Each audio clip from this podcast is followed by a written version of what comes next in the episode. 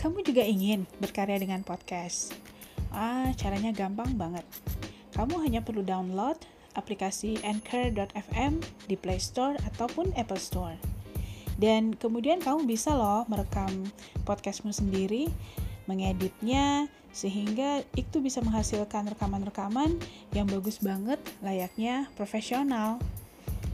Dan otomatis dari Anchor.fm, podcastmu juga akan tayang di semua platform-platform podcast yang ada, seperti Google Podcast atau Spotify.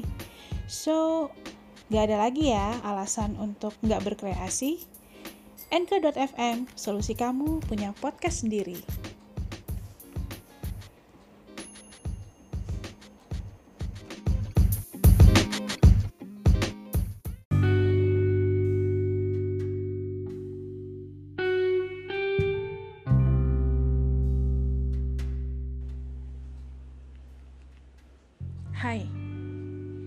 Jumpa lagi dengan gue Madam. Terima kasih teman-teman yang masih stay tune di podcast Baper Are Welcome ini. Mohon maaf karena uh, tightnya jadwal gue di akhir tahun sehingga hampir satu bulan podcast ini tidak mengudara. Tapi hari ini, tanggal 31 Desember 2019, malam tahun baru, gue ingin mempersembahkan record untuk kalian. Selamat tahun baru teman-teman. Kali ini dan tiga atau empat episode ke depan, gue akan membacakan sebuah cerita fiksi. Namun, walaupun ini fiksi, tetap based on true story. Cerita ini berasal dari sepasang kekasih yang saat ini sudah menjadi suami dan istri.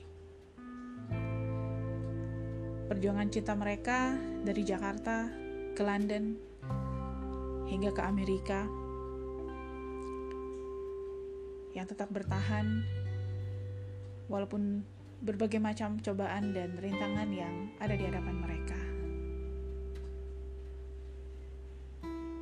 Tanpa memperpanjang prolognya, kita mulai aja ceritanya.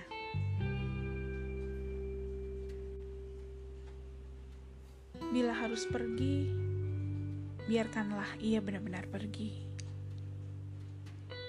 Namun, bila suatu hari ia kembali padamu, itu artinya ia memang akan menjadi milikmu selama-lamanya. London di musim gugur.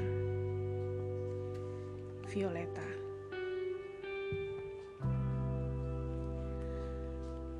Aku terjaga dengan pikiran yang gundah. Apa benar yang kemarin berpapasan denganku itu adalah Brahmana? Di sore kota London yang hujan dan ramai dengan para pejalan kaki dengan coat beraneka warna yang tergesa-gesa menyusuri jalan yang terlihat becek. Sehingga suara percikan air itu ada di mana-mana. Terdengar tak beraturan. Pria itu yang berpapasan denganku di depan St. Michael Hospital di sore yang hujan, dengan ransel hitamnya, mem memakai coat berwarna coklat susu, berkacamata, senyumannya, dan segelas kafe latte di tangannya. Yang gelas karton itu berlogokan restoran cepat saji yang ada di sekitar situ. Hatiku bergetar sesaat. Aku merasakan sesuatu yang merayap kembali di dadaku. Getarannya membuat bulu kuduku berdiri. Walau hingga pagi ini, saat aku terbangun dan kembali memikirkan kejadian sore kemarin, bahkan Di 20 menit kemudian saat aku berada di dalam bis menuju St. Michael Hospital, Sabtu pagi, pukul 7 yang lengang.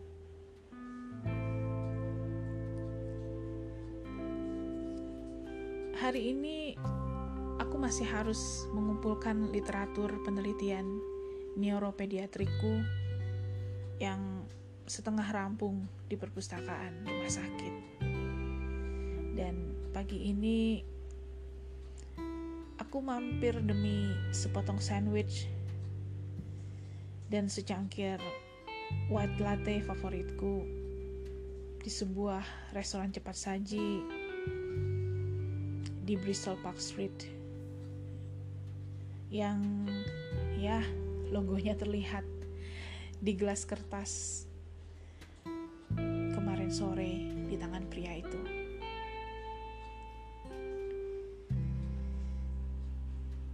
Mungkin aku juga tidak bisa berbohong bila selain sandwich dan latte, aku juga mengharapkan bisa melihat pria yang berpapasan denganku kemarin.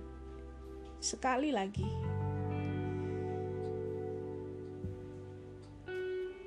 Mungkin ini untuk yang terakhir kalinya.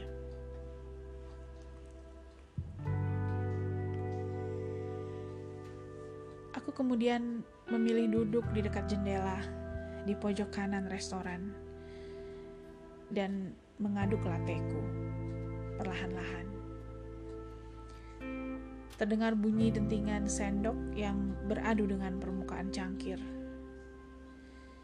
Dan suara-suara hiruk pikuk di kafe yang terdengar samar olehku. Pikiranku campur aduk, tidak menentu antara penasaran, takut, enggan dan dan ya, aku tidak bisa menggambarkan betapa rumitnya aku pagi ini. Untuk beberapa saat, aku terbenam dengan bahan penelitianku yang terpapar di layar netbook. Udara kota London pagi ini sekitar 12 derajat Celcius.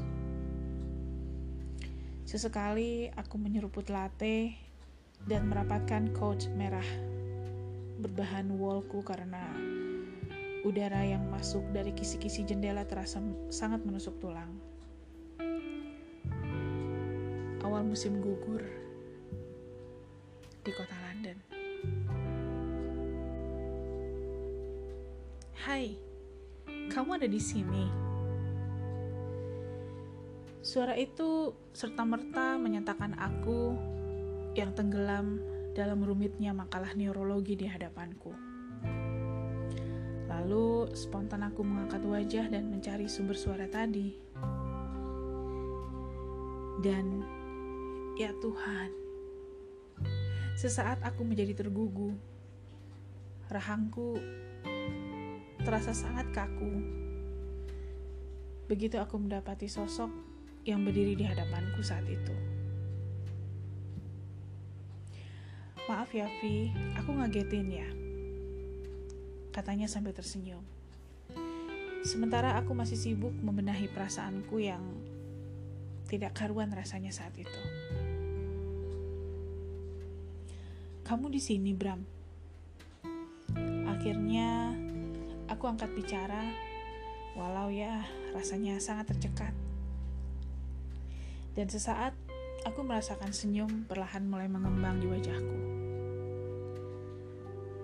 Untuk sekedar basa-basi atau apakah aku bahagia? Entahlah, aku juga tidak tahu.